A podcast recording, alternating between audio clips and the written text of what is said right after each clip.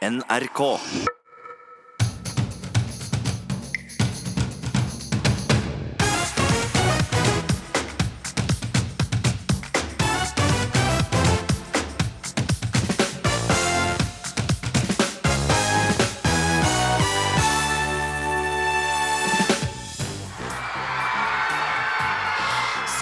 Skolestreikerne brølte utenfor Stortinget i går, mens bompengepartiet har tutet seg størst i Bergen.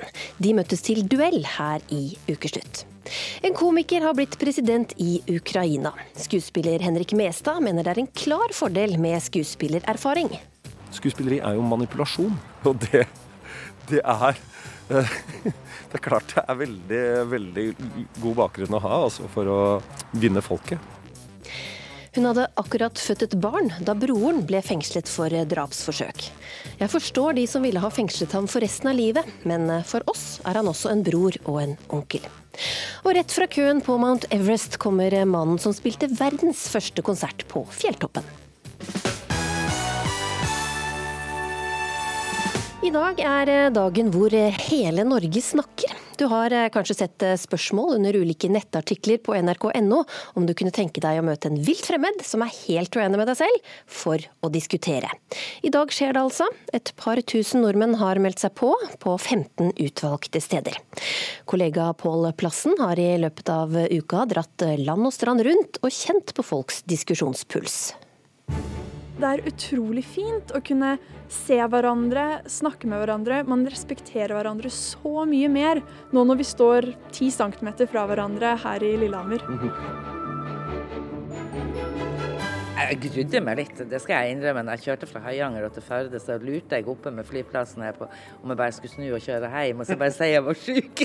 Det er ikke sikkert jeg har rett i alt som jeg, jeg, tenker og, og mener, da, at det finnes det ulike sider. Og så er det vel kanskje sånn at vi, det finnes et eller annet kompromiss, muligens, der da.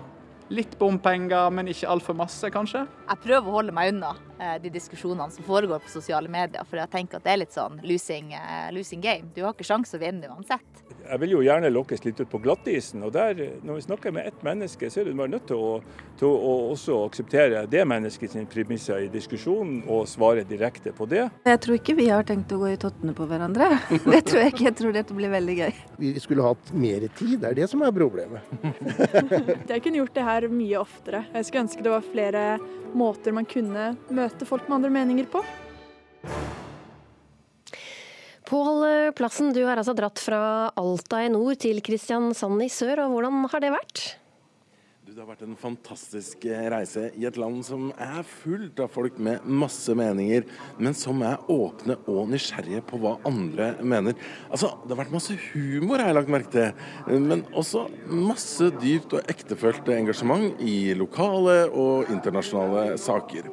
Og så har jeg testa forskjellige arenaer for den gode samtalen. Alt fra leirbålet til benken på kjøpesenteret. Og i toppen av en hoppbakke har vi hatt gode samtaler. Det har vært veldig spennende å se hvordan omgivelsene påvirka den gode samtalen. Men hva er det som har gjort eh, mest inntrykk, da? Det, det, er så mange ting. Jeg blir så glad i de folk jeg har møtt. Men f.eks. lille Karin og Åge i Førde, som grua seg så mye at de holdt på å snu, men som møtte hverandre. Og nå har blitt venner på Facebook, og ja, nesten venner på ordentlig også, vil jeg si. Eh, Sjøl om de er helt uenige når det kommer til f.eks. bompenger og, og likestilling. Og så var det jo spennende da, da jeg møtte en klimaskeptiker og en klimaforkjemper på Lillehammer i går. Men det gikk også veldig bra, Linn Beate. Det er veldig hyggelig å høre, men hvorfor i alle dager gjør vi dette? Du, NRK gjør det her i samarbeid med flere andre eh, medier fordi vi vil løfte debatten ut av kommentarfeltene og oppfordre folk til å møtes ansikt til ansikt.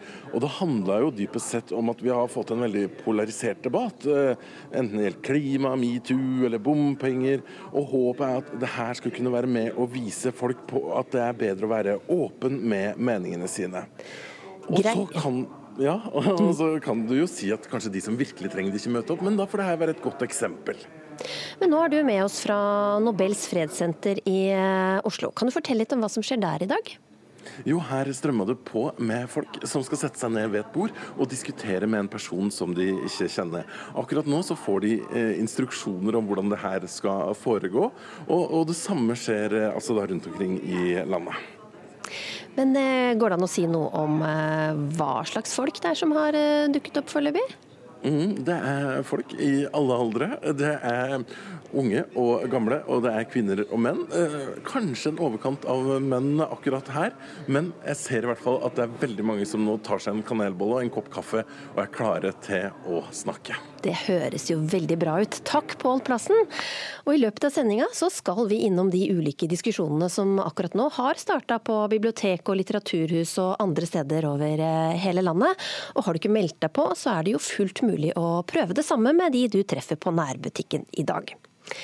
Det er eh, høysesong for eh, snufsing og rennende øyne blant våre harde trafikanter. For eh, bomstasjonene står snart tettere enn det er pollen i lufta, og det er sånt bilistene reagerer på. Medisinen er full debatt rundt, for verken piller eller øyedråper virker mot bomprisene, og bilistene blir mer og mer frustrerte.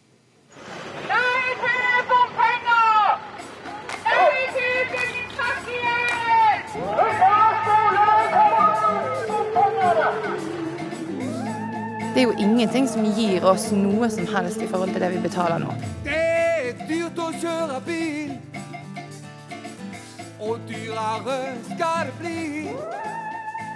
Det er rett og slett eh, et opprør, og vi er mest av alt selvfølgelig forbanna, men også fryktelig lei oss. Bompenger, nei takk. Bompenger, nei takk. Vi må jo betale overalt. Og de som bor på Kverneland, de vet ikke engang hva konsekvensene blir av den gang. Det er skammelig. Vi snakker om 3300 kroner i måneden.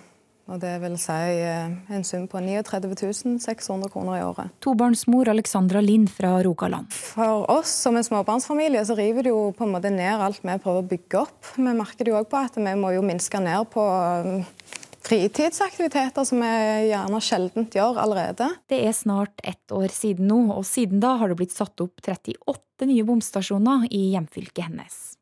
Og det er ikke bare i Stavanger-området, men også flere andre steder her i landet.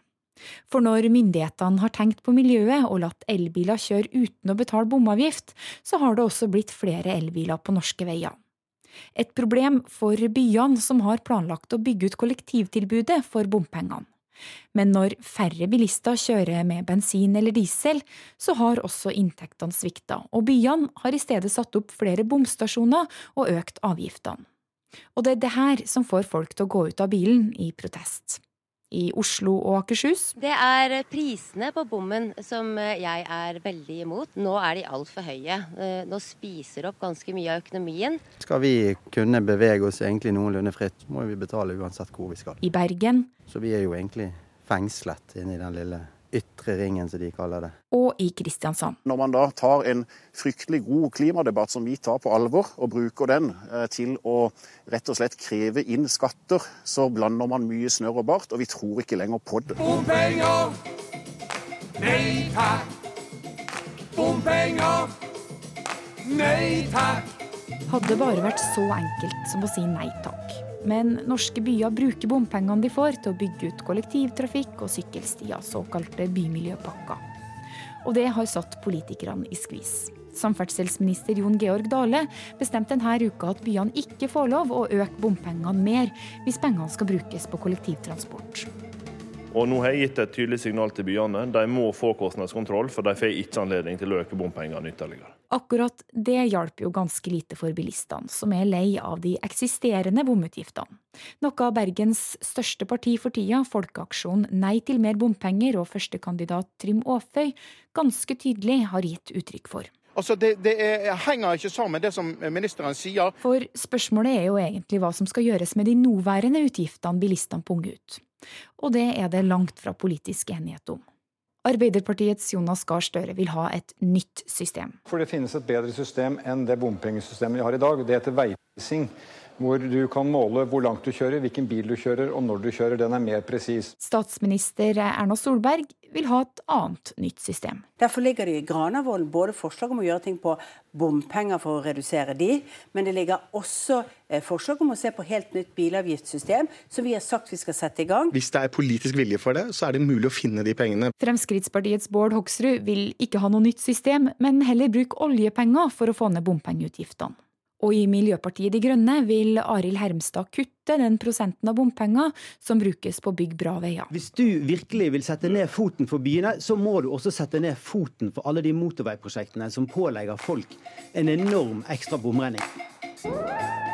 Per dags dato så er det ca. her i et virvar av politisk uenighet at saken står.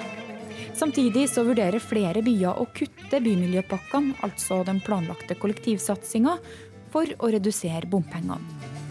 Det blir dyrt å kjøre bommen i rushtida. Unger i barnehage, skole, fritidsaktivitet. Hvem er det du har stemt på? Drammen ble første by ut. Bompenger! Nei takk! Bompenger! Nei takk! Bompenger! Nei takk! Bompenger! Nei takk! Reporter var Marit Gjelland. Skolestreikerne brølte i går utenfor Stortinget og i en rekke andre byer, siden de ikke synes politikerne har hørt på dem siden forrige streik for eh, to måneder siden. Samtidig blir eh, politikerne presset av bompengemotstanderne. Folkeaksjonen Nei til mer bompenger kaprer en fjerdedel av velgerne i Bergen på en ny meningsmåling. Første nestleder Haldis Kjellflot Helle i Natur og Ungdom. Du var en av de som var på plass foran Stortinget i går, som en av arrangørene av skolestreiken. Er det bompengekrisa eller klimakrisa som er størst? Jeg tror ikke det er liten tvil om at det er klimakrisen som virkelig er størst. Vi ser jo at vi bare har ti og et halvt år på å halvere verdens globale utslipp, og i 2018 gikk utslippene fortsatt opp. Um, så da tenker jeg at det er liten tvil om at uh, det er mye som må gjøres, og det må gjøres utrolig fort nå. Bjørn Revild, du er førstekandidat for folkeaksjonen Nei til mer bompenger i eh, Oslo. Hva vil du si? Hvilken krise er størst, bompengekrisa eller klimakrisa? Jeg tror veldig mange mennesker opplever det som skjer i Oslo nå, som ganske skadelig for måten deres å leve på. Det er folk som eh, sliter med eh, sosial kontakt. Eldre mennesker får ikke besøkt venner og kjente fordi at parkeringsplasser forsvinner og bompengene blir veldig dyre. Barnefamilier sliter med å få kjørt barna på trening og få tidsklemma og den økonomiske klemma til å gå opp. Og jeg skulle ønske at klimadebatten hadde blitt mer nyansert enn for og mot bil. Det er mange ting den debatten bør handle om, og jeg syns bilførerne får urimelig mye av, av skylda. Spesielt bilkjørerne i indre Oslo. Men er det bompengekrisa da som er størst? En del mennesker opplever den som veldig stor. Når det begynner å koste 30 000-40 000 kroner i året å leve de livene folk normalt lever, så tror jeg folk opplever den krisen som stor. Man skal også ta miljøkrisen i verden på alvor, men miljøspørsmål er, er, noe langt mer enn også klimaspørsmål. Det er mange andre ting som er viktige som gjelder miljø. Helle, bompengeaksjonisten bompengeaksjonistene har jo nå fått eh, politikerne på banen eh, denne uka, men eh, dere er jo ikke fornøyde med politikernes eh, innsats. Hva, hva syns du om det? Har de fått til noe dere ikke har fått til? Jeg tenker også at Det handler litt om at eh, bompengeaksjonistene er voksne. Vi ser jo at barn og unge er de minst representerte i demokratiet, og det gjelder også i denne debatten. Det er kanskje nettopp det at Bompenger handler om hvordan uh, situasjonen er akkurat nå, mens klimakrisen og naturkrisen handler om vår rett til et levemiljø. miljø. Og nå begynner vi så vidt å se konsekvensene av det. Men uh, de voksne kjenner kanskje ikke like mye på at deres livsgrunnlag går tapt pga. denne krisen. Både pga. klimautslippene fra vei, men også pga. Nedbyggingen av natur. Revild, kjenner ikke dere voksne nok på denne krisen? Jo, uh, vi er jo ikke ute etter utslett i jorden akkurat. Og Jeg tror jo at det er en menneskeskapt oppvarming, men den er noen få tiendels grader. Så jeg tenker at det du sier om nedbygging av natur er veldig, veldig viktig. Altså At man avskoger planeten, det tror jeg skader veldig mye. Jeg skulle ønske man kunne stå sammen om at skog er viktig, og man må ta vare på skog rundt omkring. For det er skog som renser luften for CO2, og skog trenger vi mye av. Og det hugges mer og mer skog verden over, og det er en krise som vi ikke har sett, eh, sett slutten på. og Det syns jeg er en viktig spørsmål. da. Men er deres ønske da om eh, eller det å tilrettelegge for bilkjøring forenlig med kampen mot klimakrisa? Egentlig så handler det ikke om å tilrettelegge for bilkjøring, men det, det handler om å tilrettelegge for at folk skal ta fornuftige og, og bærekraftige valg når det gjelder hvordan de skal transportere seg rundt omkring. Noen mennesker er avhengig av bil for å klare å, å løse hverdagens utfordringer. Men i vårt program så er det mange punkter som handler om kollektivtransport. Og vi kunne godt tenke oss at kollektivtransporten i Oslo hadde vært mye billigere og mye bedre. Og så har jeg sammenlignet med den byen i verden som ligner mest på Oslo. Det er Zürich i Sveits. De har samme klima som Oslo, like mange innbyggere og samme kostnadsnivå. Der koster det under halvparten. Helle, eh, hva blir konsekvensen da hvis det kuttes i bompenger? Nei, altså, eh, Det er jo to forskjellige typer bompenger. Eh, jeg sier gjerne at man kutter de bompengene som går til å bygge ut eh, den nye Vestkorridoren E18, som er en kjempeforurensende vei, som både har enorme konsekvenser for naturen i Oslo-området og for klimagassutslippene. Men jeg lurer jo på hva eh, Folkeaksjonen Nei mot bompenger har tenkt å gjøre med eh, klimagassutslippene fra veitrafikk, som tross alt er den aller største utslippskilden til Oslo, og eh, en femtedel av alle utslippene fra Norge. Vi skal være nullutslipp i 2050, og hvis vi ikke skal ha noen restriktive tiltak på bil, hvordan skal vi da få nullutslippstrafikk? Jeg tror at Hvis man bygger ut kollektivtransport sånn som vi ønsker, så vil folk naturlig bruke mer kollektiv og mindre bil. Selv bruker jeg stort sett sykkel rundt omkring i Oslo. Det fungerer for meg, men det fungerer ikke så veldig mye for uh, nødvendigvis alle andre. Så kan vi se på andre utslippsmuligheter. Uh, F.eks. båter i Oslo-området og i Norge uh, har voldsomme utslipp. Nå så man var én båt som kom, kom inn til Norge for to-tre dager siden, hvor mye den slapp ut av ulike ting. Og veldig Mye av den båttransporten er jo ganske unødvendig også. Man trenger ikke frakte folk frem og tilbake til Danmark hver dag med en svær båt som ikke engang går i land. Så kanskje man kan nyansere dette litt og se litt på utslipp samlet sett, istedenfor at en relativt liten gruppe bilister skal ta hele regningen for klimabelastningene. Ja, altså, det er jo sånn at eh, denne veitrafikken er den aller største utslippskilden. Og så er det sånn at Man må jo kutte alle utslippene. Det handler både om de båtene du nevner, men det handler også om bilbruken. Og så handler det om alle de andre tingene som slipper ut CO2. Hvert eneste tonn med CO2 må ta slutt og slippe, slippes ut. Eh, og så må vi, eh, Da kan vi ikke ha en trafikk som baserer seg på på bil og ikke på kollektiv. Og så I deres eh, program som jeg har lest, der nevnes klima bare to ganger.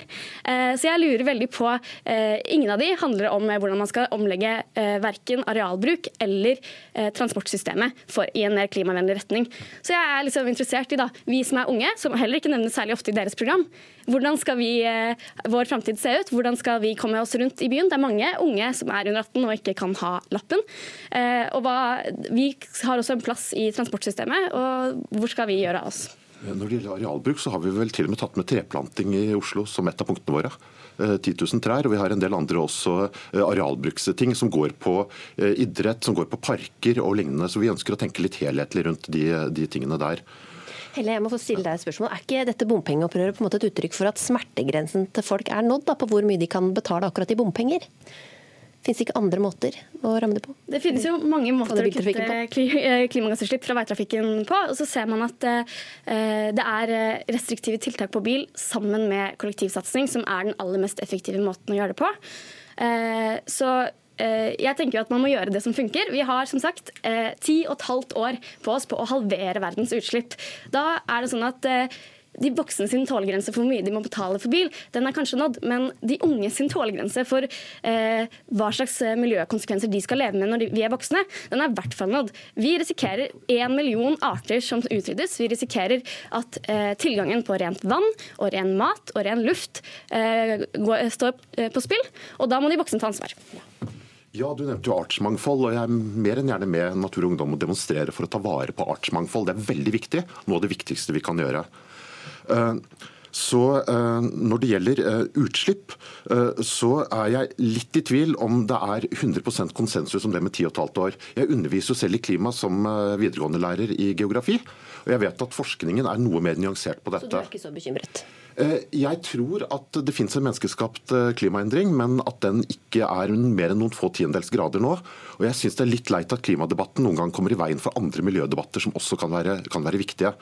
Jeg tror også at når eh, klimaproblemet globalt sett, hvis det blir større, så vil en del andre mye større land enn Norge ta tak i det på helt andre måter enn det Norge gjør. Og jeg er i tvil om bompenger er det som redder klimaet på jorden. For det jeg tenker om bompenger, det er at uh, det begrenser vanlige menneskers bilbruk, men det begrenser ikke nødvendigvis den nødvendige bilbruken. Har du penger nok, så kan du fortsatt kjøre bil så mye du vil. Og der er spørsmålet er det den nødvendige forurensningen eller den unødvendige forurensningen bompengene begrenser. Og Vi tenker jo litt sosialt ansvar rundt dette. Vi vil at klimapolitikken ikke skal ramme mannen i gata. Det er vårt budskap. Da må jeg si tusen takk til dere, Haldis Kjellflot Helle og Bjørn eh, Revild. Mens de fleste sliter med i det hele tatt å puste på toppen av verdens høyeste fjell, så tok eh, nordmann Håkon Skog Erlandsen med seg saksofon til toppen, og holdt det som eh, trolig er verdens første konsert, 8848 meter over havet. I morges landa han på Gardermoen, og nå kan vi si velkommen hjem, Håkon Skog Erlandsen. Tusen hjertelig takk. Du er jo egentlig profesjonell eh, musiker, og på Mount Everest hadde du jo litt eh, andre arbeidsforhold, får vi vel si, med is på nesa og i, i skjegget. Hvor vanskelig var det å spille der? Nei, det var, det var, veldig hardt. Det er nok eh, den verste plassen i hele verden å spille på. Det, så det var helt utrolig hardt. Det var mye kulde, det var så klart stor mangel på oksygen.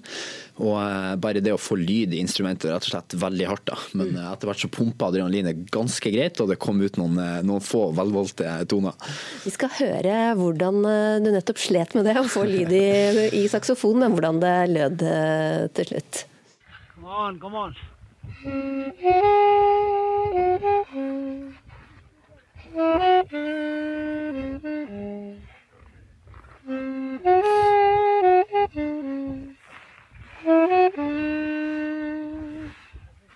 on, come on.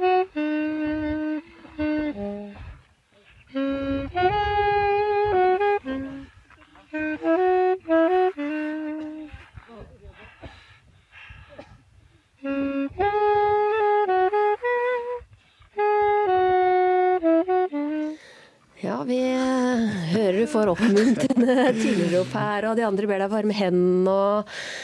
Hvorfor var det viktig for deg å spille på Mount Everest?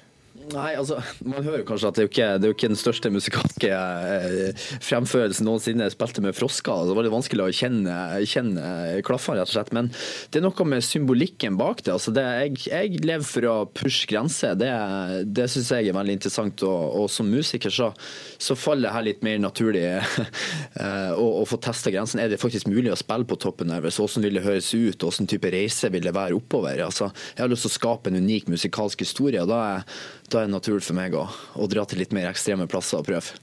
Var du spent på om du helt tatt fikk lyd i jeg Jeg, jeg, var veldig spent. Vi brukte, vi brukte ca. 40 dager på å komme oss opp, og jeg gikk eh, hver eneste dag og lurte på shit, hva er det egentlig jeg har gjort? Og I tillegg så veier jo saksofonen en god del, så jeg ville jo bare kaste hele instrumentet for hvert eneste steg opp gjennom. Men den holdt altså hele veien eh, opp. Det er jo ikke første fjelltoppen du, du spiller på, på heller, men eh, hvordan, hvordan forbereder man seg til, til det? Nei, For å spille konsert der oppe, så er det jo ikke så mye mer annet enn å trene normalt. ikke sant? Jeg har jo min jobb som musiker å dra rundt og spille, så jeg får jo bra trening der. Men, eh, men, det er jo det fysiske aspektet rundt det, hvor du må ha et ekstremt overskudd for å klare å En ting er å komme seg opp til toppene, men så er det å prøve å gjøre noe litt mer ekstraordinært. Da, som, som, det krever veldig mye, og det krever spesielt mye mental eh, tilstedeværelse for å faktisk Rett og slett bare det å huske melodi på toppen er kjempevanskelig. Man kommer i, kommer i et slags type klima hvor du bare alt, du glemmer alt alt. Så det er, det, det er, veldig hardt, men det er mye trening og mye, mye målretta forberedelser som er som mm. arbeider bak.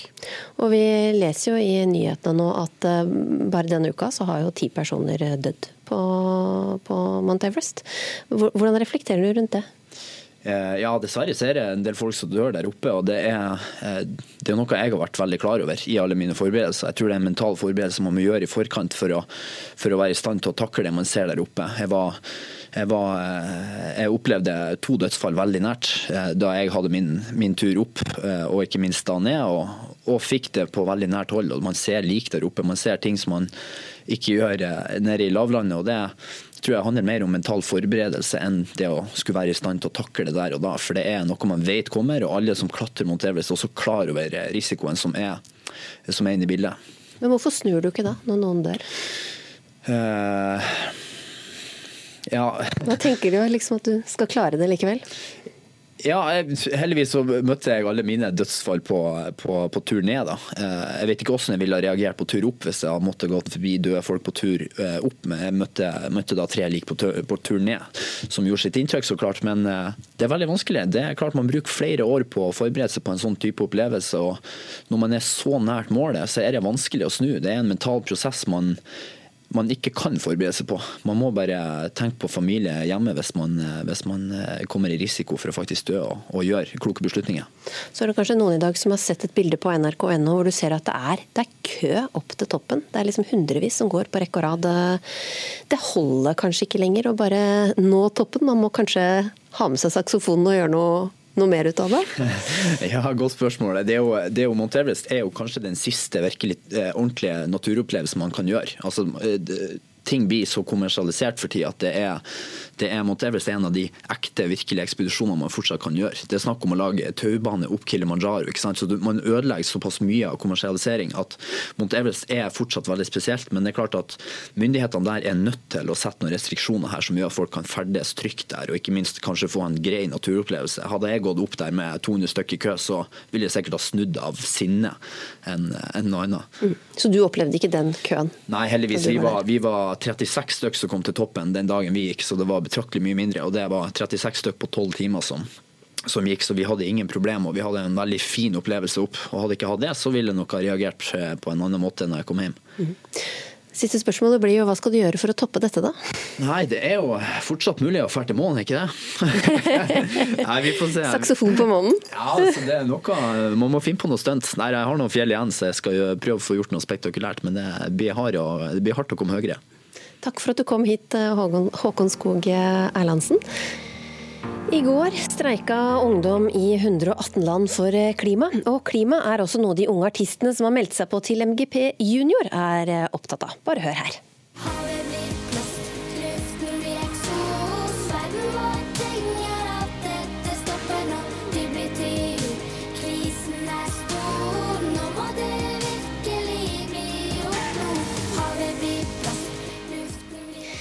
I dag er det altså finale i MGP Junior, NRKs musikkonkurranse for barn og ungdom. Og reporter Petter Pettersen, du er på Telenor Arena der showet skal foregå i kveld. Og du står der med to av de som skal opptre, de to som vi nettopp hørte låten til, Anna og Emma. Ja, jeg står her i Telenor Arena som nevnt, og her er det folk som eh, flyr hit og dit og rigger og styrer for å gjøre klart til kveldens store musikkfest. Og det er også i tillegg eh, flere spente deltakere som mest sannsynlig har litt sommerfugler i magene. Eh, og med meg så har jeg da altså de to venninnene Anna og Emma. Og hvordan har dere det nå noen timer før hele festen starter? Vi er veldig spente, og ja, vi gruer oss litt, men ikke så veldig mye enda. Ja, vi gleder oss kjempemasse. Det blir supergøy. Mm. Har dere forberedt dere godt til i kveld? Ja, vi har jo øvd ganske mye her og gått gjennom showet, og ja, det blir veldig bra. Mm. Hva er budskapet i låta deres som heter 'Kloden er syk'? Det er jo liksom det med miljøet, da. At man skal ta vare på miljøet og bry seg om det og ja. tenke seg om. For dere er opptatt av miljø? Ja. Hvorfor det, da? Fordi det er viktig at uh, noen bryr seg, og vi må jo gjøre noe, da. Ja, vi vil at folk skal tenke seg om og gjøre noe nytt for miljøet. Mm. Ja, og I går så streika altså ungdommer i hele Europa for klima, og de ønsker å få politikerne til å gjøre noe mer for klima. Eh, er det, det noe av det dere også ønsker å oppnå, eller? Ja, for hvis eh, politikerne gjør noe, så følger liksom landet med. Ja. dere, ble dere fort enige om eh, hva dere skulle skrive låt om, eller hadde dere flere temaer og hadde litt sånn diskusjon eller, om hvilket tema dere skulle velge? Nei, det var alltid miljøet som var Ja. Det ville vi om, da. Ja. Um, Melodi Grand Prix Junior har tidligere år blitt arrangert på høsten, og nå i år så er det da eh, nå eh, i mai, altså en uke etter Eurovision eller Voksen Melodi Grand Prix. Eh, har dere fått ekstra motivasjon av å se på de voksne forrige helg? Kanskje litt. Og så har vi møtt de Keiino fra Norge. De eh, heia på oss, eller på alle finalistene. Og ja, det var veldig morsomt å møte dem. Mm. Um, eh, drømmer dere om å, å, noen gang få være med på Eurovision, da? Ja, det hadde vært veldig gøy. Strålende. Eh, det var Anna og Emma fra, som skal opptre i kveld på Melodi Grand Prix her i Telenor Arena. Eh, det, vi får ønske dem lykke til i kveld. Og vil du høre og stemme på Anna og Emma eller noen av de andre deltakerne, så må du følge med på NRK1 i kveld. Keiino kommer også for å opptre på showet, så får vi håpe de treffer tonen bedre enn Madonna gjorde da hun var pauseinnslag forrige helg. Nå hører vi litt mer på låta til Anna og Emma, 'Kloden er syk'. Samme dag, samme mulighet, samme tid, samme grådighet.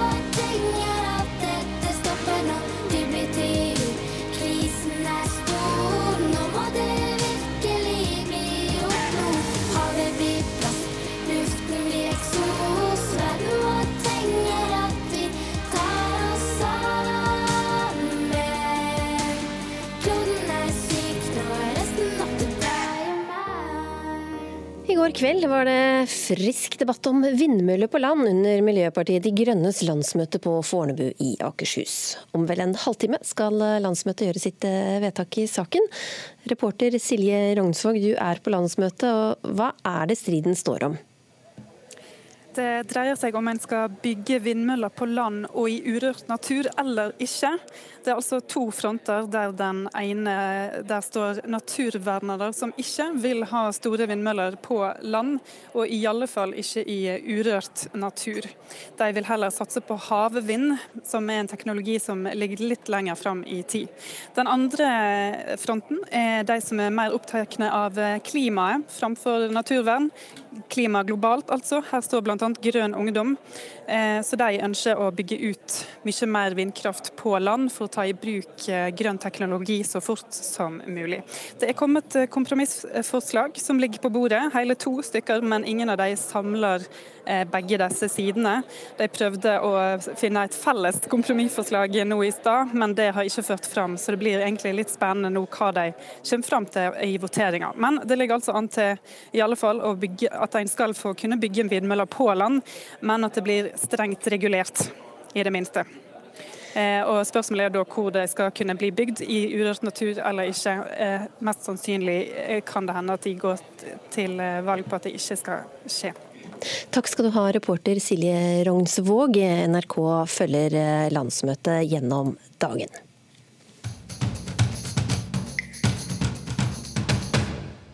Og Da skal vi ha en eh, nyhetsoversikt. Tone, Tone Nordahl, og vi starter i eh, Frankrike, der det var en eksplosjon i Lyon i går.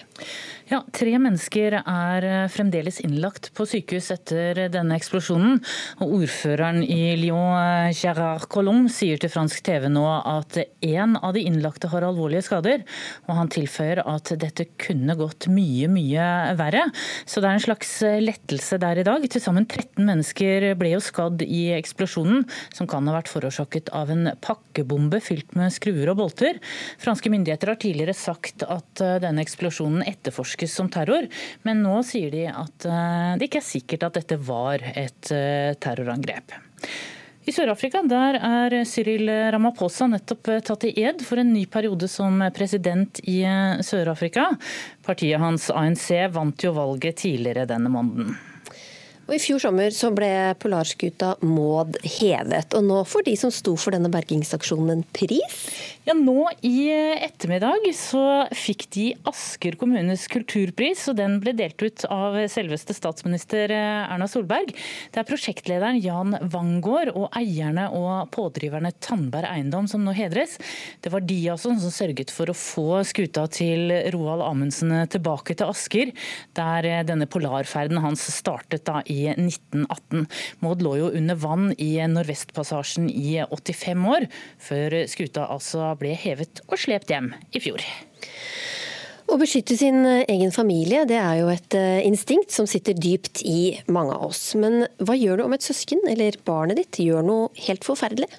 Denne uka ble det kjent at faren til 18-åringen som er tiltalt for drapet på Sunniva Ødegård, er tiltalt for å ha forsøkt å unndra bevis i saken. Faren fortalte i retten at han vasket sønnens blodige klær morgenen etter drapet. Han skal også ha tørket blod fra hammeren som ble brukt som drapsvåpen. Ivar Fasing, du underviser i dag i etterforskning av grov vold og drap ved Politihøgskolen, men har tidligere etterforsket utallige drapssaker for Oslo-politiet og for eh, Kripos. Hvor spesielt er det at en far blir eh, tiltalt for å underslå bevis? Du, Det er ganske unikt. Jeg kan faktisk ikke huske at eh, jeg har vært med på å gjøre det noen gang i løpet av min 30 år i politiet. Men hva med dette å avgi eh, falsk forklaring, f.eks. For å komme med et uh, falsk alibi for å, for å beskytte noen? Du, det, er jo et konstant sånn dilemma vi står oppe i i drapsetterforskninger. er jo hvordan vi skal avhøre de nærmeste til den mistenkte. Eh, I Norge og de fleste, aller fleste land i, vår del av verden så har jo disse veldig strenge eh, beskyttelse. Altså De plikter jo ikke å snakke med oss i det hele tatt. Og det blir de alltid gjort uh, veldig klar over. Så formalitetene knyttet til dette i norsk politi er, er veldig tydelige. Men det er jo likevel et dilemma. For de som sitter tettest på den mistenkte, er jo ofte de, de viktigste vitnene. De kan jo både gi dem et alibi, eller de kan gi oss de viktigste bevisene mot deres egen barn. Har du selv opplevd å sikte eller eh, tiltale en forelder eller et annet familiemedlem da, for, å ha, for å ha gitt falskt alibi? Nei, det har jeg ikke. Nå skal det sies at Det er jo påtalemyndigheten i politiet som formelt sikter. Eh, vi detektiver det er vi som avhører og, og forsøker å finne bevisene. Men jeg, jeg, husker jo at som jeg var inne på, disse er jo viktige vitner for oss. Så selv om de har denne formelle beskyttelsen, så, så er det jo selvfølgelig ofte sånn at vi gjerne vil at de skal snakke. Eh, og det, det, er et etisk dilemma. Hvor, hvor tydelige skal vi være på det? Kontra deres eh, naturligvis innebygde trang til å, å beskytte sin nærmeste. Men hvordan går det frem da, når uh, dere skal avhøre, avhøre, familien til noen som er uh, sikta? Nei, du, Vi må jo først og fremst forklare dem hva er situasjonen. Uh, nå er ditt barn mistenkt. Og det kan jo komme som et På mange måter er jo disse like mye pårørende som de som har mistet noen. Altså det, og, og, det er jo et sjokk. Eh, og Det er ikke noe hemmelighet at i en del politikulturer rundt i verden så, så utnyttes det sjokket for å få foreldrene til å snakke.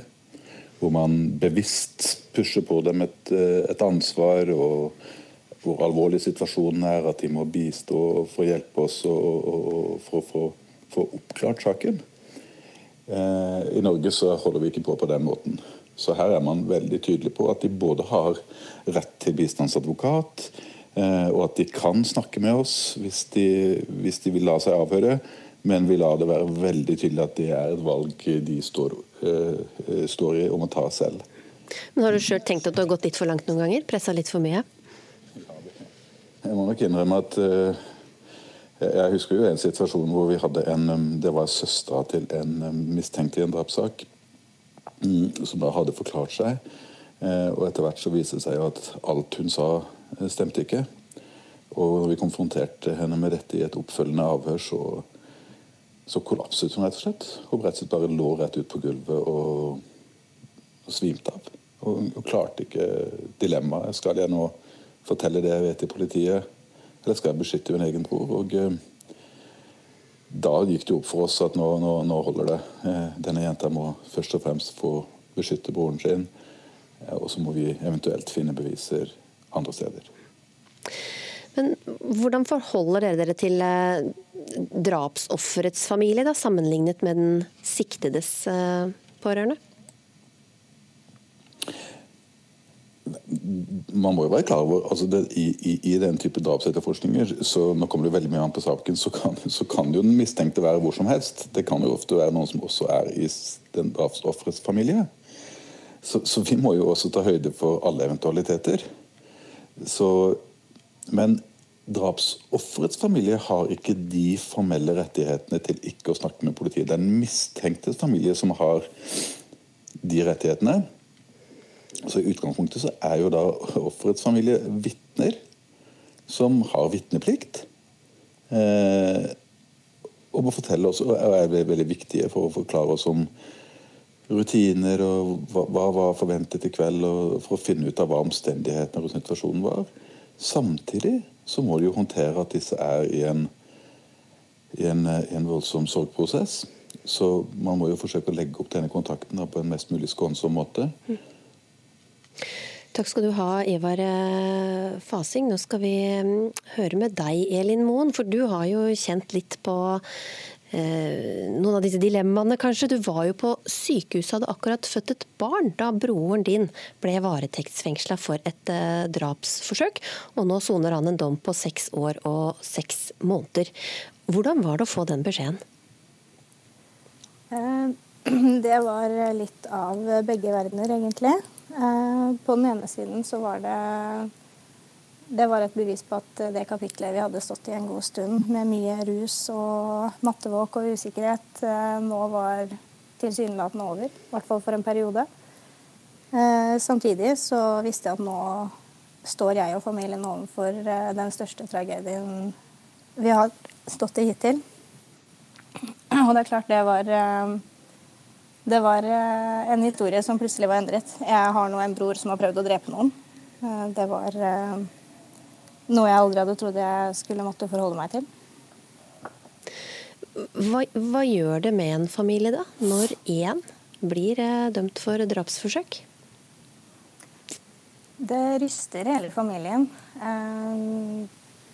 Det gjør noe med deg som du du går og kjenner på en sånn ekkel følelse hvor du på en måte, hva skal jeg si, skjønner litt mer Du skjønner hvor nær døden egentlig er, da. Eh, at han kunne både dødd selv, og han kunne faktisk ha forårsaket noen andre sin død. Eh, døden er ikke noe man forholder seg til daglig, eh, heldigvis. Og når man faktisk må gjøre det, eller i nærheten av det, på den måten, så du får en realitetsorientering. Samtidig så tvinger det familien til å snakke sammen. Jeg kommer jo fra en familie som i utgangspunktet gjør det i stor grad, men det knytter familien sammen på en helt annen måte. Man finner på en måte sider ved seg selv og de andre pårørende som man ikke visste var der. Og I begynnelsen så var det sånn at dere, dere fikk jo ikke vite noe særlig heller, fordi han hadde besøksforbud. Eh, det stemmer. Hvordan var det? Det var nok egentlig det verste. Eh, vi fikk eh, noen korte beskjeder fra hans bistandsadvokat i løpet av de par første ukene, hvor vi fikk hvor han var, og at hans fysiske tilstand var bra. Uh, utover det så visste vi jo veldig lite. Uh, utover det måtte jo vi på en måte danne våre egne bilder av hvordan han hadde det. Og i en sånn situasjon så tenker du selvfølgelig ikke at han som sitter der inne, har det spesielt bra. Eh, samtidig får du et behov for å fortelle ham at det går bra med oss. For jeg visste jo det at det første han tenkte på når han kom til seg selv, ville jo være oss som satt igjen der ute. Og det tok jo litt tid før vi på en måte kunne i det hele tatt vise vår støtte da, til ham. Og En person er jo mye mer enn de handlingene man gjør. og Det vil fortsatt være andre sider ved den personen som man eh, elsker. Hvordan har dere klart å akseptere at han har gjort dette?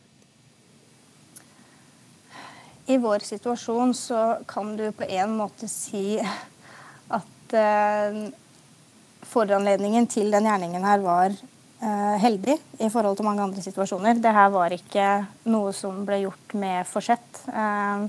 Han har vært i en psykose hvor han har utført en gjerning som han ikke husker selv. Eh, på den måten så slipper vi å forholde oss til at vi må finne en aksept for det han har gjort. Eh, vi må selvfølgelig akseptere at han har begått den gjerningen her, men hva skal jeg si? Det er kanskje feigt, men vi kan på en måte gjemme oss litt bak, bak det her med at han ikke har hatt noen han har ikke hatt noe grunnlag for å gjøre det han har gjort. Og derfor trenger ikke vi å ha noe forståelse for at han har valgt å gjøre som han har gjort. Vi må ha forståelse for alt han har gjort i forkant, fordi hele den situasjonen her var selvforskyldt. Men akkurat den selve gjerningen var Hva skal jeg si? Det blir, eh, det blir feigt å si at det ikke var han, men samtidig så var det jo på en måte ikke det. Jeg vet jo at han eh, Hvor han ville vært i en, en normal tilstand, så ville jo ikke han vært i stand til å gjøre noe sånt. Så må jeg til slutt uh, spørre deg da, om uh, det der, Nå er jo en far tiltalt for bevisunndragelse, og han benekter det, så vidt jeg forstår. Men, men, men kan du forstå at, at, at, pårørende gjør det i en sånn situasjon? Så nært som jeg har stått eh, hva skal jeg si, en kriminell og en voldsdømt, så må jeg faktisk si at det kan jeg forstå. I en så desperat situasjon så gjør du alt for å hjelpe dine nærmeste. Og du mister litt den her realitetsorienteringen og den, det behovet for rettferdighet. Da. Eh, både overfor samfunnet og overfor det offeret som står i den situasjonen. Så det er en del følelser der som fort kan ta overhånd, tror jeg. Når det er dine nærmeste, når det er en bror eller et barn. Mm. Tusen takk Elin Moen for at du fortalte litt her i Ukeslutt om hvordan det er å være pårørende til en som er eh, dømt for eh, drapsforsøk. Du sitter kanskje på Facebook eller på nettavis og kommenterer en eller annen sak, og så er du kanskje så engasjert at det går ei kule varmt. Kanskje kaller du meningsmotstanderen din for idioter, eller du skriver i caps lock at de ikke har peiling på hva de skriver om. Og vips har du glemt både skikk og bruk, og kanskje verst av alt, å få med deg hvilke argumenter den andre siden faktisk har. Men hva skjer hvis du ikke lenger kan gjemme deg bak tastaturet? Vi skal til eh, biblioteket i Tromsø for eh, reporter eh, Oda Viken. I dag møtes folk over hele Norge for å diskutere med noen de er skikkelig uenig i, men ansikt til ansikt. Og hvordan går det der du er, Oda? Vet du, Det går så bra her i tredje etasjen på biblioteket i Tromsø. Det er nesten så jeg må og jeg hvisker litt og være litt stille, for jeg er rett og slett redd for å bryte av eh, og forstyrre samtalen. Den flyter så fint eh, mellom de eh, totalt 20 personene som har møtt opp her. Og det som er så interessant med Tromsø, det var det at vi hadde i utgangspunktet 100 påmeldte. Og så ble det da til etter hvert ned mot 20 som har møtt her i dag. Vi hadde veldig mange unge her i byen som hadde, hadde meldt seg på. Det er også noen unge som har møtt opp på, på biblioteket i dag. Og en av de unge unge som jeg skal forstyrre litt nå, det er deg, 23 år gamle Tuva Krøgnes. Hvorfor meldte du deg på Hele Norge snakker? Eh, nei, jeg meldte meg på egentlig på bakgrunn av et stortingsvalg for eh, ja, sist stortingsvalg, hvor jeg stemte eh, Miljøpartiet De Grønne. Hvis man kan si det på radioen. Men eh, jeg fant jo også ut at altså, alle i min omkrets stemmer jo det samme, eh, og er veldig opptatt av eh, miljøet. Men så, ble jeg, så tenkte jeg oi, det her kommer jo til å bli veldig, veldig bra valg, da. Eh, og så endte det jo opp på omtrent litt over 4% og det overrasket meg. fordi det ga jo et lite bilde på det at da må det jo finnes veldig mange andre eh, meninger og tanker. Og selvfølgelig, jeg vet jo det fra før. Jeg, jeg kommer jo fra Asker, så jeg har jo sett det også. Men, eh, men det var bare en veldig sånn overraskende, eh, overraskende ting det at eh, det var, vi var så i minoritet. Når man føler man er majoriteten. Og det, det, er jo nettopp fordi at man omgir seg med mennesker som deler de samme meningene og tankene som deg. Eh, og jeg finner veldig mye eh, altså Jeg får ikke så veldig mye motstand da, i de diskusjonene, for vi er så enige. Ja, og du har jo da møtt på eh, kanskje en motstand. Det er noen du aldri har møtt på før. Over bordet ditt så sitter en mann som er over 50 år eldre enn deg, 76 år gamle Sverre. Hvordan er det å ha snakka med Sverre nå? Hva har dere funnet ut av? Jeg syns det er kjempeinteressant. Eh, For det første så sitter han med utrolig mye kunnskap. Eh, Og jeg føler jeg lærer veldig mye. Men eh, jeg vet ikke om vi har vært så veldig uenige. Jeg tror vi har vært veldig enige. Ja. Det blir veldig spennende å følge dere videre. Dere møttes for en time siden og skal holde på eh, videre her ute på biblioteket i eh, Tromsø, hvor også ti-elleve par sitter fortsatt og diskuterer. Og det ser ikke ut som de fortsatt blir ferdig. Og også på Litteraturhuset i Fredrikstad har eh, diskusjonslystne østfoldinger møtt opp i dag. Reporter Rahand Basas, du har funnet to som har flere ting de er uenige om.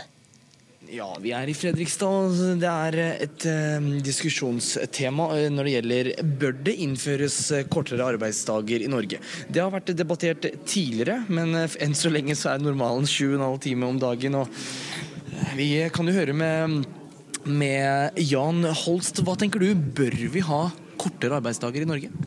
Nei, jeg tror ikke det, for vi vil få problemer med å fylle det med, med kvalifisert arbeidskraft. Eller vi vil få veldig mye overtid som vil koste bedriftene veldig mye. Nå har du vært gjennom et langt arbeidsliv, og du er nå pensjonert. Hvordan var det da du jobbet? Hvordan så arbeidsdagen ut da? Det var ca. 7,5 time arbeidsdag, eller åtte timer da jeg var til sjøs. Og mm, med arbeid også på lørdag. Kajsa Marie Hardsleff, du er uenig. Eh, Hva syns du? Eh, Jeg syns at vi bør innføre kortere arbeidsdager i Norge. Samtidig er det ikke gjort i en håndvending. Jeg tror ikke det er noe vi bare kan tre nedover hodet på bedrifter og arbeidstakere. Og vi må tenke oss nøye gjennom omkostningene som det har, og legge til rette for at dette kan skje på en god måte. Eh, Og jeg tror det er den veien det går, uansett. Fordi vi jobber nå mindre enn noen gang. Eh, Og jeg mener det går den veien. Så vi må, vi må legge til rette. Gir det noen konsekvenser? Altså, du nevner noen, men kan det få noen store konsekvenser? Vi kan jo forhåpentligvis få plass til flere i arbeidslivet, men eh, samtidig så er det sånn som eh, Jan sier, at vi må ha kvalifisert personell. Eh, og, men vi har en del bransjer og eh, sektorer i arbeidslivet som med fordel kunne hatt kortere dager, hvor kanskje flere kunne stått i jobb, f.eks. i helsesektoren. Hva tenker du om det? Jo, jeg er enig i det at uh, i helsesektoren uh, kunne de hatt kortere dager.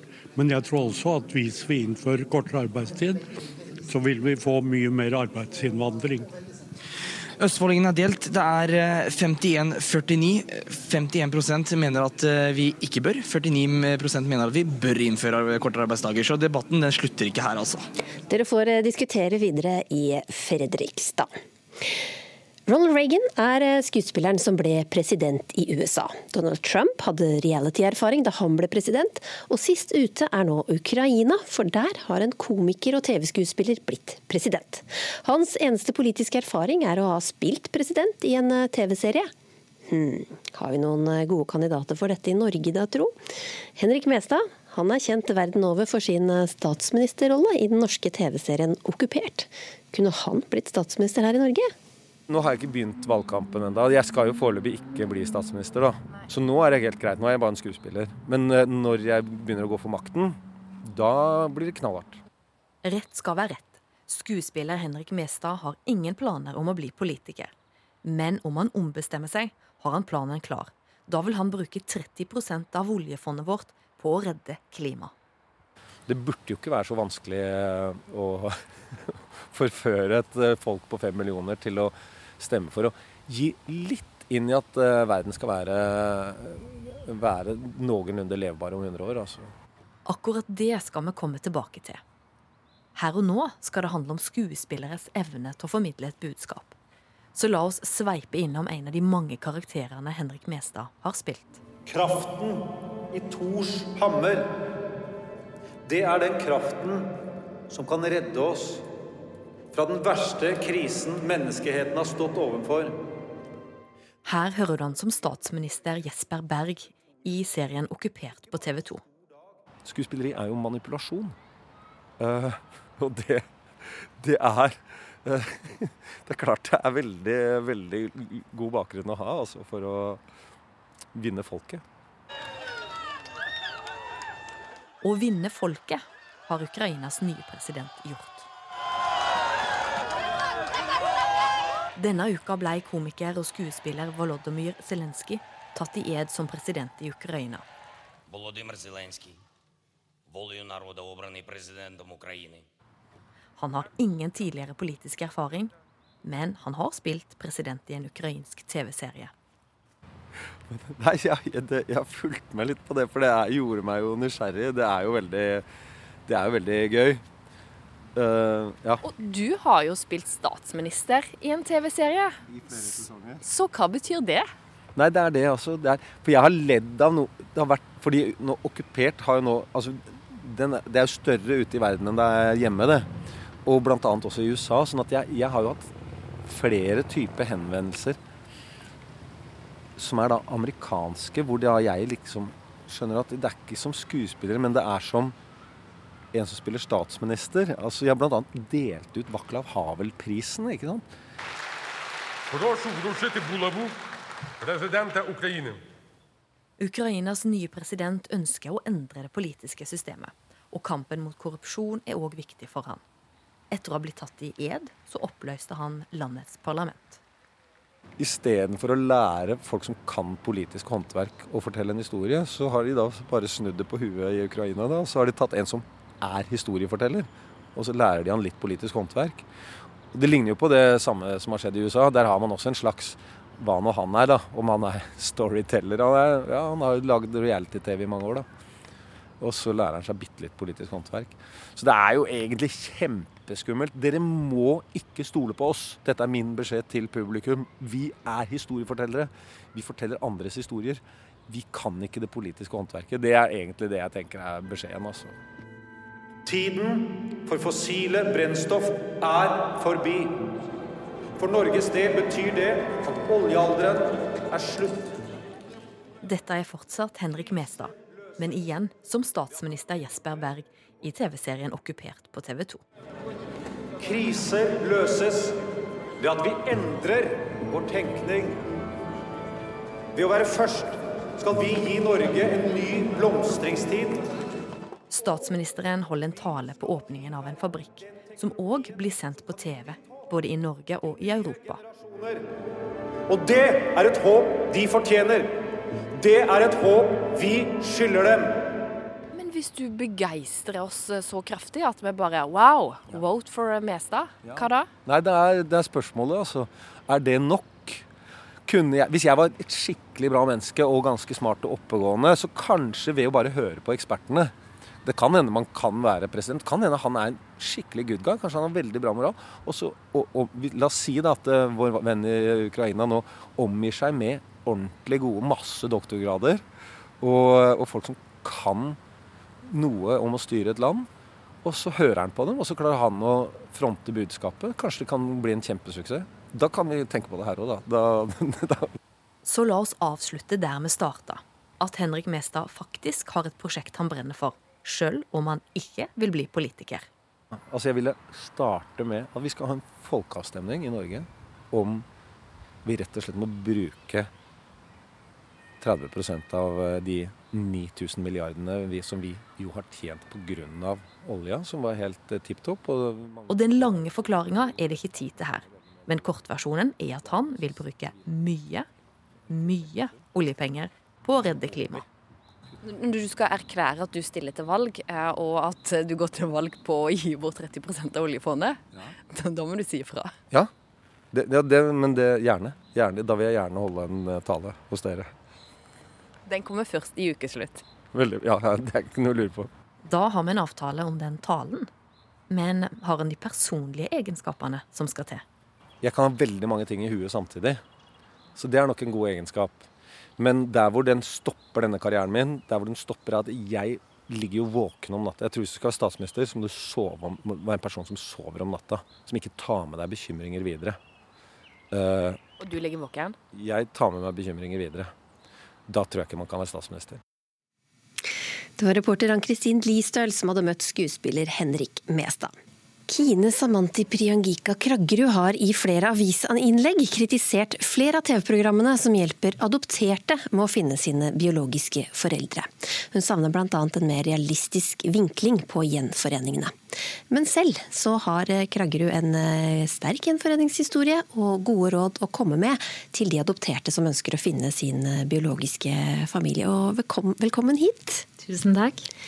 Kan du først fortelle litt om hvilke forventninger du har blitt møtt med som, som, adoptert her i Norge? Jeg har jo blitt møtt med en forventning om at jeg skal være veldig takknemlig for at jeg har fått komme til Norge, og at uh, jeg skal føle meg norsk. Men også veldig mange mennesker som har spurt om jeg er interessert i å finne mine biologiske foreldre. da. Og jeg reiser tilbake igjen. Mm. Hvordan har det stemt med din egen opplevelse av det å være adoptert? Jeg har nok hele livet følt meg som en srilanker. Vi var jo en av de første som kom til Molde. Det var vel kanskje ti stykker som var der før vi kom. Som både hadde innvandrerbakgrunn, men også adopterte. Så jeg følte meg som en srilanker gjennom hele oppveksten. Og det å føle seg norsk eh, var nok ikke helt min kategori, men jeg kjente i hvert fall en tilnærming til å ha norske vaner og tankemessige, da. Mm. Selv om du kom veldig tidlig. Jeg var sju uker når jeg kom. Mm. Men når begynte du selv da å lure på hvem eh, din biologiske familie var? Det var vel allerede på barnehagen når eh, jeg så at eh, det var spesielt en familie som hadde innvandrerbakgrunn, der mor kom og henta han. Men så var det jo en norsk mor som kom og henta meg. Så lurte jeg alltid på hvilket bånd de hadde i forhold til oss. Hvordan det føltes, da. Og så gjorde du jo flere forsøk i mange år på å finne ut av hvem, hvem foreldrene dine var. Men kan du ikke fortelle om eh, da du til slutt klarte det? Ja. Um, jeg tok kontakt med både forfattere av bøker og sosial, gjennom sosiale medier. Men um, så tok jeg kontakt med et turistfirma som var på Sri Lanka, der jeg spurte om en privat etterforsker og lurte på om de kunne hjelpe meg å sette, kontakt, eh, sette meg i kontakt med han. Eh, og de valgte jo da å ta den saken sjøl, og eh, gikk alle, gjennom alle spora og prøvde å komme i kontakt med henne. Det tok jo ganske lang tid for å forstå at man ikke kunne gå den lovlige veien alltid. Så de endte jo med å måtte spørre et register som de ikke naturligvis hadde lov til å ha innsikt i eh, om hun faktisk eksisterte. Og det de kunne si, var at ja, hun eksisterer, og hun er her i Colombo. Men mer enn det kan vi ikke hjelpe dere med. Så begynte de å vandre på de tipsa, da. Ja. Og til slutt så var det noen på en dør som svarte? Ja. Da kom de til min bestemor sin dør. Eh, min bestemor var veldig skeptisk til dem, fordi min mamma har en litt eh, tyngre bakgrunn. Så hun lurte på om det var FBI. Men minuttet de ringte min biologiske mamma, så sa hun at er det Priyangrika som ringer? Jeg visste at hun kom til å komme tilbake hjem. Wow. Og du har jo i flere avisinnlegg kritisert eh, disse TV-programmene som gjenforener adopterte med, med, familien. Og så fant du ut at historien bak din adopsjon var, var veldig sterk. Mm. Var du godt nok forberedt på det? Jeg tror nok jeg er en av de eh, adopterte som har eh, assosiert meg mer med flyktninger eller mennesker med innvandringsbakgrunn sånn primært. Eh, så jeg har vært veldig opptatt av kultur og tankesyn rundt det, og språk. Så jeg følte at jeg var sånn sett veldig forberedt, men jeg hadde nok ikke forberedt meg på hvor annerledes jeg skulle føle meg når jeg skulle reise fra Sri Lanka og skulle komme hjem til nordmenn og mennesker som skulle møte meg og lure på om det hadde vært helt fantastisk å bli gjenforent. Så satt jeg igjen med en litt sånn bismak, fordi det var jo fantastisk. Men det er jo alt annet enn det TV-kanalen viser. Og hva, og hva var den uh, historien til din mor? Min mamma er hadde blitt pressa ut av samfunnet eh, pga. Eh, hennes bakgrunn, som at hun hadde blitt voldtatt av min far. Så det var veldig tungt for meg å skulle både anerkjenne at hun eh, hadde fått eh, den urettferdige behandlinga, samtidig som vi skulle sitte og utdype historien til nordmenn som ikke forsto det fra hennes perspektiv. Da. Jeg fikk ofte høre at ja, men de vet ikke bedre, og de er fattige, og de kan ikke det vi kan her i Norge. Og at man blir sett på som litt stakkarslig. da. Men jeg vil si at på veldig mange måter så er min srilankiske mamma mye mer oppegående på enkelte vis som eh, mange i Norge kunne lært litt av. Da. Mm. For du reiser flere ganger i året til unnskyld, Sri Lanka. Um, noen adopterte har jo uttrykt at de har blitt litt sånn skuffa over at eh, den biologiske foreldre bare spør etter uh, penger. Men hvordan, hvordan, har du håndtert det? Har du noen tips til andre der? Jeg opplever at veldig mange adopterte sitter og deler ut fisk til uh, familiene sine som gaver, leker, baller, eh, kjøpe inn masse mat som det, ikke er kulturelt vanlig at de spiser, som kjeks og andre typer ting. Um, mens der jeg brenner veldig for at uh, man skal lære familien sin å fiske. Og at man skal sette dem i arbeid og hjelpe dem til å hjelpe seg sjøl. Som f.eks. trene dem opp i å lese og skrive, eller eh, få dem til å bli gode fotografer, sy klær sørge for at de får en eh, arbeidshverdag som gjør at de både får mestringsfølelse, men som gjør at de også kan brødfø seg sjøl. Mm. Og Hvilken rolle har du nå fått i, i, familien din på Sri Lanka? Jeg er nok blitt en slags mentor etter at bestemor gikk bort. Eh, de tar jo kontakt med meg for å si det endelige ja eller nei i situasjonen, som min kusine nå, som har veldig lyst til å få en telefon. Hun er 16 år. Men eh, der min tante er veldig eh, spørrende til meg og sier liksom Priyankika, tenker du at hun burde få en telefon? Og jeg har satt ned foten og sagt at den telefonen skal hun tjene penger til etter eksamensperioden sin i desember, og hun kan kjøpe den sjøl, men vi skal ha såpass mye kontroll på den telefonen at hun ikke har fri tilgang til den. Tusen takk for at du eh, kom hit til Ukeslutt, Kine Samanti Priangika Kraggerud. Tusen takk. Som du har hørt i løpet av denne ukesluttsendinga, så møtes folk ansikt til ansikt for å diskutere vanskelige saker akkurat nå. Og prosjektet det heter Hele Norge snakker. Og en av dem som snakker, det er eh, Chris Nelvik, som er brennende opptatt av likestilling. Kan du komme hit og snakke litt med meg? Kan du komme hit og snakke litt med meg? Du ser at jeg vil ha kontakt. Vi har jo lett for å sette hverandre i bås, da. Så jeg tenker jo at, eh, at eh, folk som mener at likestillingen har gått for langt, kanskje har et litt gammeldags kvinnesyn, f.eks.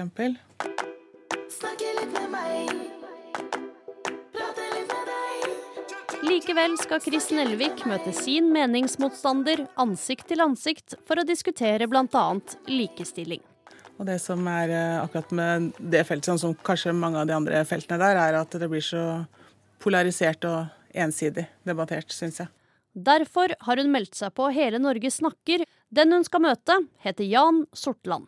Jeg er for eh, likestilling, selvfølgelig. Det skulle bare, bare mangle. Men eh, jeg er ute etter hva skal jeg si, ekte likestilling ekte likestilling må ta hensyn til at folk er faktisk forskjellige.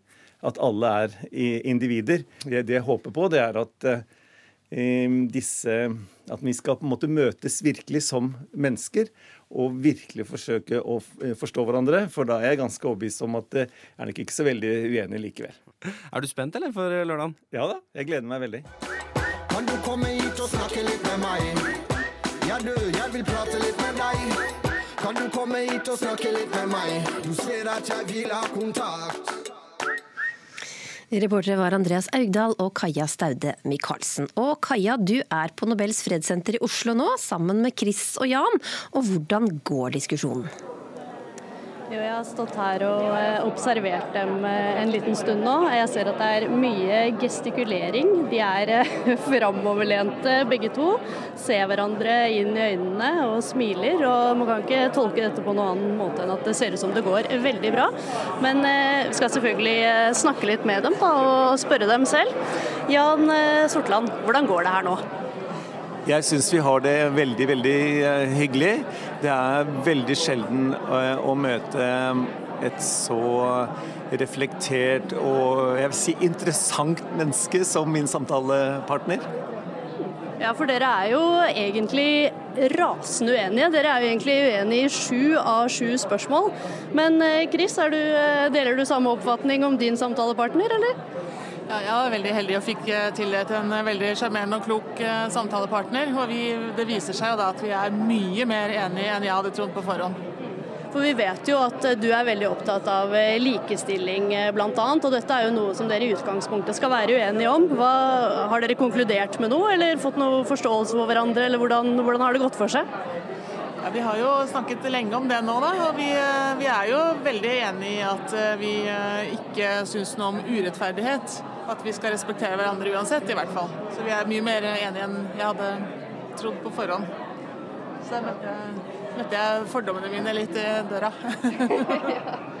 ja, eh, og som du hører, det er folkeliv her nede på Nobels fredssenter. Det er nærmere 70 mennesker som eh, sitter og diskuterer. Det skal de altså gjøre fram til klokka 3.15.00, så hvis du som hører på har lyst til å komme ned, du også, så er det bare å komme. Det høres ut som det er veldig god stemning til tross for all eh, uenighet. Og så er det også en mulighet å følge med videre på Hele Norge snakker på nrk.no. da var faktisk eh, hele ukeslutt eh, pakket ut. Ansvarlig for eh, denne sendinga det har vært Munever Gildis, teknisk ansvarlig Espen Hansen, og i studio her så har du hørt meg, Linn Beate Gabrielsen. Så kan jeg jo minne om at du finner oss også på radionettspilleren, og om ikke altfor lenge også som podkast. Og Hele Norge de snakker videre på nrk.no, og du, ta deg en prat med en du er uenig med, da. Ansikt til ansikt. Ha det godt.